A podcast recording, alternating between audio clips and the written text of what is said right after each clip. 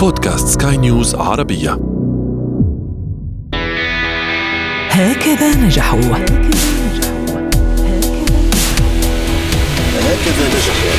هكذا نجحوا. هكذا نجحوا أطيب التحيات لكم مستمعينا ومتابعينا عبر منصة بودكاست سكاي نيوز عربية وأهلا بكم إلى هذا العدد الجديد من هكذا نجحوا. اليوم للحديث عن النجاح طعم آخر. فالاستثمار في عوامل النجاح والتقدم وتغير صيغة التعليم صيغة التعليم والتعلم في هذه الأيام بات من علامات التميز الهامه النجاح هنا في هذه الحالة التي سنناقشها في هذا العدد سيكون أكثر من مضاعف لأنه هنا يطال الفكرة يطال الأسلوب يطال المعالجة يطال طرق الطرح بما يلائم الآتي إليها من السائلين من المطلعين من الدارسين.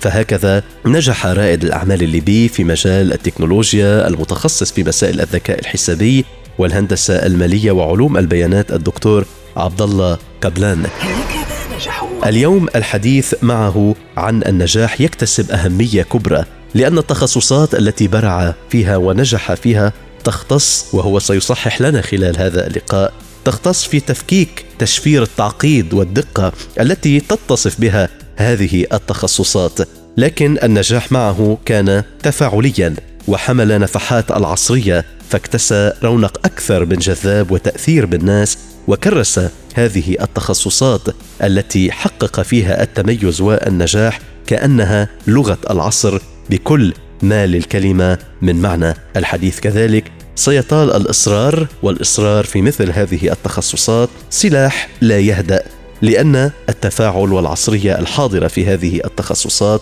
عدوها ربما ضياع الوقت. انطلاقا من هذه المعلومات وانتقالا من كل هذه التفاصيل الحاضرة نرحب بضيف هذا العدد الدكتور عبد الله كبلان.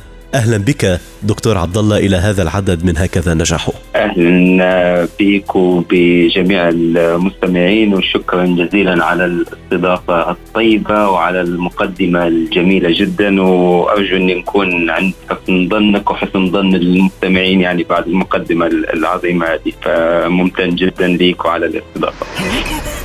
أهلا وسهلا بحضرتك دكتور وطبعا تستحق وأكثر للأمانة يعني كثرة التميز وكثرة النجاح ما شاء الله احترنا من أين نبدأ؟ فاستغليت بداية العمر القياسي. أنت في عمر الشباب وتخاطب الشباب في لغة العصر. كيف تصف أهمية هذه النجاحات بشكل عام قبل أن ندخل ونتحدث؟ ربما عن النجاحات تلو النجاحات. النجاح هذا الذي حققته بشكل عام كيف تصفه وأنت في هذا العمر القياسي؟ إذا أردنا أن نقول. آه الله يسلمك. شكرا. هو حقيقة عادة آه عندما تكون في خضم الانغماس في في شغفك وفي وفي العمل على ما تحب آه قد تشعر بالمتعة والمتعة دي قد تكون كبيرة جدا ولكن لا تشعر بقدر النجاح اللي اللي حققته أو النتيجة اللي أنت حققتها. وأعتقد أنا أن هذه من أهم أسباب النجاح هي عدم السعي وراء النجاح لأن النجاح المفروض ما يكونش غاية ولكن لازم يكون عرض جانبي لاتباعك لشغفك ولإتقانك لما تحب ولإتقانك للعمل اللي أنت قاعد تشتغل فيه. النجاح قد يأتي بعدها. وحتى أنا عجبتني جدا في المقدمة متاعك أساليب التعليم والتعلم. لو ننظر النجاح بالمقياس التقليدي نحن نقول أن تمشي تتعلم بعدين يكون عندك امتحان وتدرس بالامتحان عشان تنجح. لكن الأسلوب هذا تاريخيا انتج ناس يكونوا نسوه هم اللي تعلموه بشكل كامل لأن لم يكن فيها نوع من الممارسة أو الإتقان. وكان الغاية فقط النجاح أو الحصول على على الشهادة. فحقيقة أنا بس الرد على السؤال قياس النجاح عادة لا يحدث إلا آه بإتقانك لعملك. ولو أتقنت عملك بشكل كبير وأمضيت وقت كثير في العمل اللي أنت تحبه آه حتنجح يعني لا محالة. ملاحقة الشغف أيضا هو ربما من عوامل النجاح. كما نفهم منك دكتور عبد الله أول تميز أول نجاح حققته دائما نعود نحن في هذا البرنامج إلى أول تميز أول نجاح لأنه يروي ربما القصة الأولى أو يفتح ربما الأفاق المتشددة. أول تميز وأول نجاح آه، قمت بتحقيقه دكتور. أي رسالة بعثها آه، لك؟ الإصرار بما أنك بدأت بحديث الإصرار الإصرار أم إكمال التفاعل؟ أم أنك لاحظت أن هذا النجاح يكتمل اليوم بالعصرية والتفاعل وحديث الناس بلغتهم؟ أي رسالة قالها لك التميز الأول؟ على ما أيقظك؟ على إكمال التفاعل على العصرية بذات الطريقة التي تتبعها؟ أم فقط الإصرار الذي يؤدي إلى يعني مآلات أخرى؟ والله حقيقة هذا سؤال مهم جدا. أنا آه سواء أول نجاح أو أو أو كافة النجاحات آه لو واحد يجلس ويفكر فيها آه أعتقد بالنسبة لي على الصعيد الشخصي أهم درس أخذته هو خلق القيمة وكيف إن خلق القيمة أدى لا محال إلى إلى النجاح.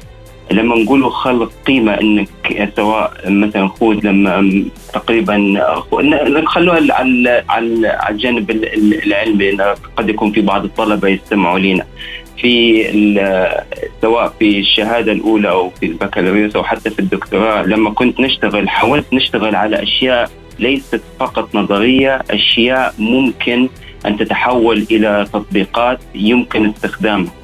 ومن هذا بجد بدأت تنمو عندي فكرة خلق القيمة. اليوم آه، حاليا لما نبي نقيس النجاح أو لو ننظر للخط نبي نشوف النجاح لأن أنا زي ما قلت في المقدمة متاعي أحيانا النجاح ما تحسش به لأنك أنت تتبع في شغفك بس اليوم أنا يعني زي ما حضرتك تفضلت قد نرتدي عدة قبعات بعض منها الأكاديمية بعض منها قبعة ريادة الأعمال بعض منها قد تكون قبعة رائد الأفكار. بالنسبة للجانب الأكاديمي أحيانا نلتقي بطلبة يقولوا لي أنت لأنك كنت درستنا المادة الفلانية في الجامعة وأعطيتنا المادة الفلانية حببتنا. في مجال الذكاء الحاسوبي وأنا اليوم مثلا نشتغل في المكان الفلاني أو أنا اليوم أسست شركتي.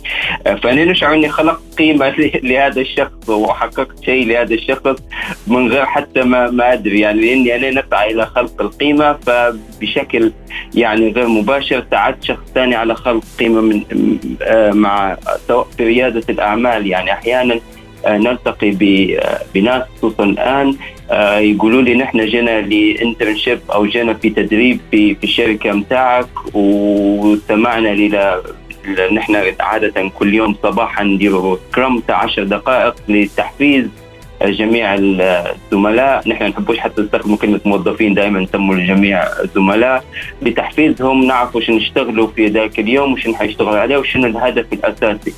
فيقول لك هذه أنا خذيت الدرس واستخدمته بعده وتلقاه حتى هو مؤسس شركة أو كذا وتستمع إلى حد. يعني ممكن سمعك تتكلم في مؤتمر وكذا. فالنتيجة إن آه، من أول درس تعلمته كان خلق القيمة هو شيء أساسي بالنسبة لي ولهذا السبب أنا حاولت نتبعه في كل ما نفعل سواء الأشياء التجارية اللي اشتغلت عليها أو حتى في الأشياء العلمية أو الأكاديمية. تماما يعني هذه هذه ضريبة إثبات النجاح يعني إذا أردنا أن نقول آه، نعم تسبب بعض المشاكل أحيانا ولكنها آه، يعني آه، في النهاية تبرز النتائج البراقة. تطوير الأفكار الدائم دكتور عبد الله في المعالجات والطرق وطريقة العرض أحيانا. يعني مؤتمر وآخر يختلف عن بعضه البعض. برزنتيشن وأخرى مختلفة. ربما فكرة عن أخرى نعم. مختلفة. هي طبعا عملية مرهقة. إلى أي حد يعني تشعر نفسك يتم إنصافك الآن؟ لأن أنت اليوم يعني رسالتك إلى الجيل الشاب والجيل الشاب سيكون ملائم لأفكارك أو على الأقل مرن تجاه الأفكار التي تقدمها، هذا ماذا يضيف لك أنت على مستوى نجاحاتك وإلى أي حد أيضا يعني يضيف للفئة الشابة التي تنظر إليك وتتطلع إليك؟ هو ال ال الشباب آه، بشكل عام دائما عندهم نوع من الطاقة وعندهم نوع من إنهم القدره على المخاطرة أعلى مع مع مرور الوقت ومع الكبر في السن. دائما الإنسان يتحول أكثر أنه يكون محافظ. فالطاقة الموجودة لدى الشباب دي طاقة مهمة جدا ويجب استغلالها بشكل أفضل أو بشكل آه، آه، أحسن. بحيث إن لو استغلينا القدرات الشبابية والتفكير الشبابي إنك حتى تستطيع تطوير ال ال مش فقط المفاهيم حتى المنظومات اللي مبنية عليها المفاهيم هذه. فعادة أنا لما يكون معي حتى في طاقم إحدى شركاتي أو أو حد معي أو الآن بحيث إني ابتديت نستثمر في بعض الشركات آه، ننظر أول شيء للطاقة. أحيانا في شخص كبير بالعمر يكون ما شاء الله ما زال عنده طاقة. يعني الطاقة أهم شيء. آه، والقابلية للتغيير وعدم السلبية والقدرة على القيادة والقدرة على تقبل القيادة. يعني من أهم الأشياء من أهم الأشياء أو من أهم التحديات لبناء أي مشروع أو بإنجاح أي استثمار هي أول شيء إنك لازم يكون عندك قدرة على القيادة. ولو ما كنتش في كرسي القيادة تكون عندك قدره على تقبل القيادة إذا كان في محلها وإذا كانت حتوصل إلى الطريق الصحيح. فالشباب عادة حتى بحكم السن وكذا عندهم قدرة على تقبل القيادة وعندهم قدرة على التعلم بحيث انه لما يكون القيادة أو تولى إليهم الأمور القيادية في في إدارة شركة أو مؤسسة أو مشروع يستطيع أن يفهموا أن الآن حان وقت الإنتاج وحان وقت التنفيذ بس آه، المسؤولية أنا نحب نكرر المسؤولية لأي شخص لأي شاب آه، أو لأي شاب يحبوا بدء مشروع أو شركة. القيادة مش أنك تكون بوس وأنك تقول للناس شنو يديروا وشنو ما يديروش وماذا يفعلوا، القيادة هي أنك تكون لازم أول من يضحي وآخر من يستفيد، يعني أنك تحط نفسك في وجه المدفع إنك تكون أول شخص يدخل للمكان ويشتغل وتقودهم بال بال بحيث ب بإنهم يشوفوك قاعد تشتغل مش تجلس وتقول للناس يعني آه، شنو يفعلوا وشنو ما يفعلوش. هذه هذه مهمة جدا جدا وشيء تعلمته يعني. أن تكون القيادي وليس المدير. أنت تتكلم اليوم يعني لغة العصر دكتور عبد الله آه، استطاعت تحويل تخصصات ليست بالسهلة إلى تفاعلية وعصرية وربما تهوت أشخاص لم يكونوا يفكرون بالانضمام ربما إلى هذه التخصصات لكن آه، عامل التفاعلية جذبهم إليها. من خلال كل هذه النجاحات التي حققتها دكتور عبد الله كيف قمت بالرد على من يصفون التخصصات التي قمت بها؟ ريادة الأعمال الموضوع الأكاديمي التطوير الذي آه، قمت به بكل آه، يعني التخصصات. كيف آه، قمت بالرد على من يصف هذه التخصصات بأنها صعبة معقدة ولا تستهوي الجميع؟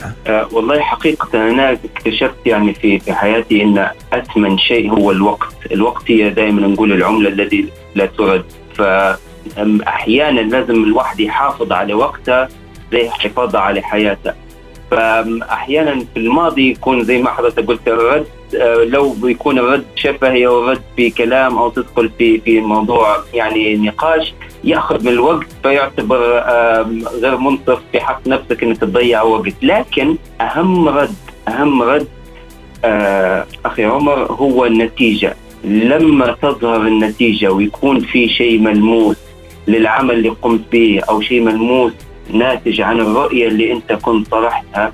النتيجة تكون دائما هي الرد الكافي أفضل من أي حديث أو أفضل من أي نقاش أو أفضل لأن من الصعب أحيانا تغيير القناعات شيء صعب جدا آه، بالحديث. لأن كل إنسان يعني لديه مسلماته ولديه الأشياء التي يؤمن بها. لكن لما تنظر إلى نتيجة ملموسة أمامك زي ما نقولوا نحن يعني بليبيا ما تقدرش تغطي عين الشمس بال فانا دي نصيحه للشباب بشكل عام دائما. للأسف السلبية سهلة الانتشار والسلبية يعني هي حالة تنتشر بسهولة ومن الصعب أحيانا إخمادها. فالابتعاد عن السلبية شيء مهم جدا والملاحقة النتائج مش ملاحقة النجاح. لاحق شغفك الشغف حيؤدي إلى نتيجة النتيجة بإذن الله حتكون حتكون نجاح. فأفضل رد دائما هو النتيجة. على أمل الرد دائما بالنتائج المشرقة والنتائج الواضحة والنتائج يعني المستهوي المستهوية لكل السائلين ولكل الباحثين عن مواضيع التفاعليه نحو خطاب جديد يراعي لغة العصر على كل هذه الأمال. يعني أصل إلى آه، وداعك معنا في هذه الحلقة وشكرك على هذا الحديث الشيق. سعدنا. يعني ونعتبر أننا أيضا أخذنا طاقات إيجابية جديدة نحو آفاق أخرى وتخصصات أخرى. شكرا جزيلا أخي عمر بالعكس أنا ممنون جدا وممتن لتحت هذه الفرصة لي وإن شاء الله نكون أحدثنا نوع من التغيير الفكري لبعض الناس اللي قد يعتقدوا إن النجاح مستحيل أو انهم ما يقدروش يعني يوصلوا لأحلامهم. فمن خلالك ومن خلال دعوتك الكريمة أن نكون وصلنا لعدد من الناس وأحدثنا تغيير يعني حياتي آه، لهم ونحن أيضا نضم صوتنا إلى صوتك. أشكرك الدكتور عبد الله كبلان. كنت معنا في هذا العدد من هكذا نجحوا الشكر أيضا موصول لكم مستمعين لمتابعتنا في هذا العدد وشكري طبعا موصول للزميل المخرج غسان أبو مريم في التنفيذ. طيب المتابعة دائما أتمناها لكم ونلتقي الأسبوع المقبل إلى اللقاء. هكذا نجحوا. هكذا نجحوا. هكذا نجحوا.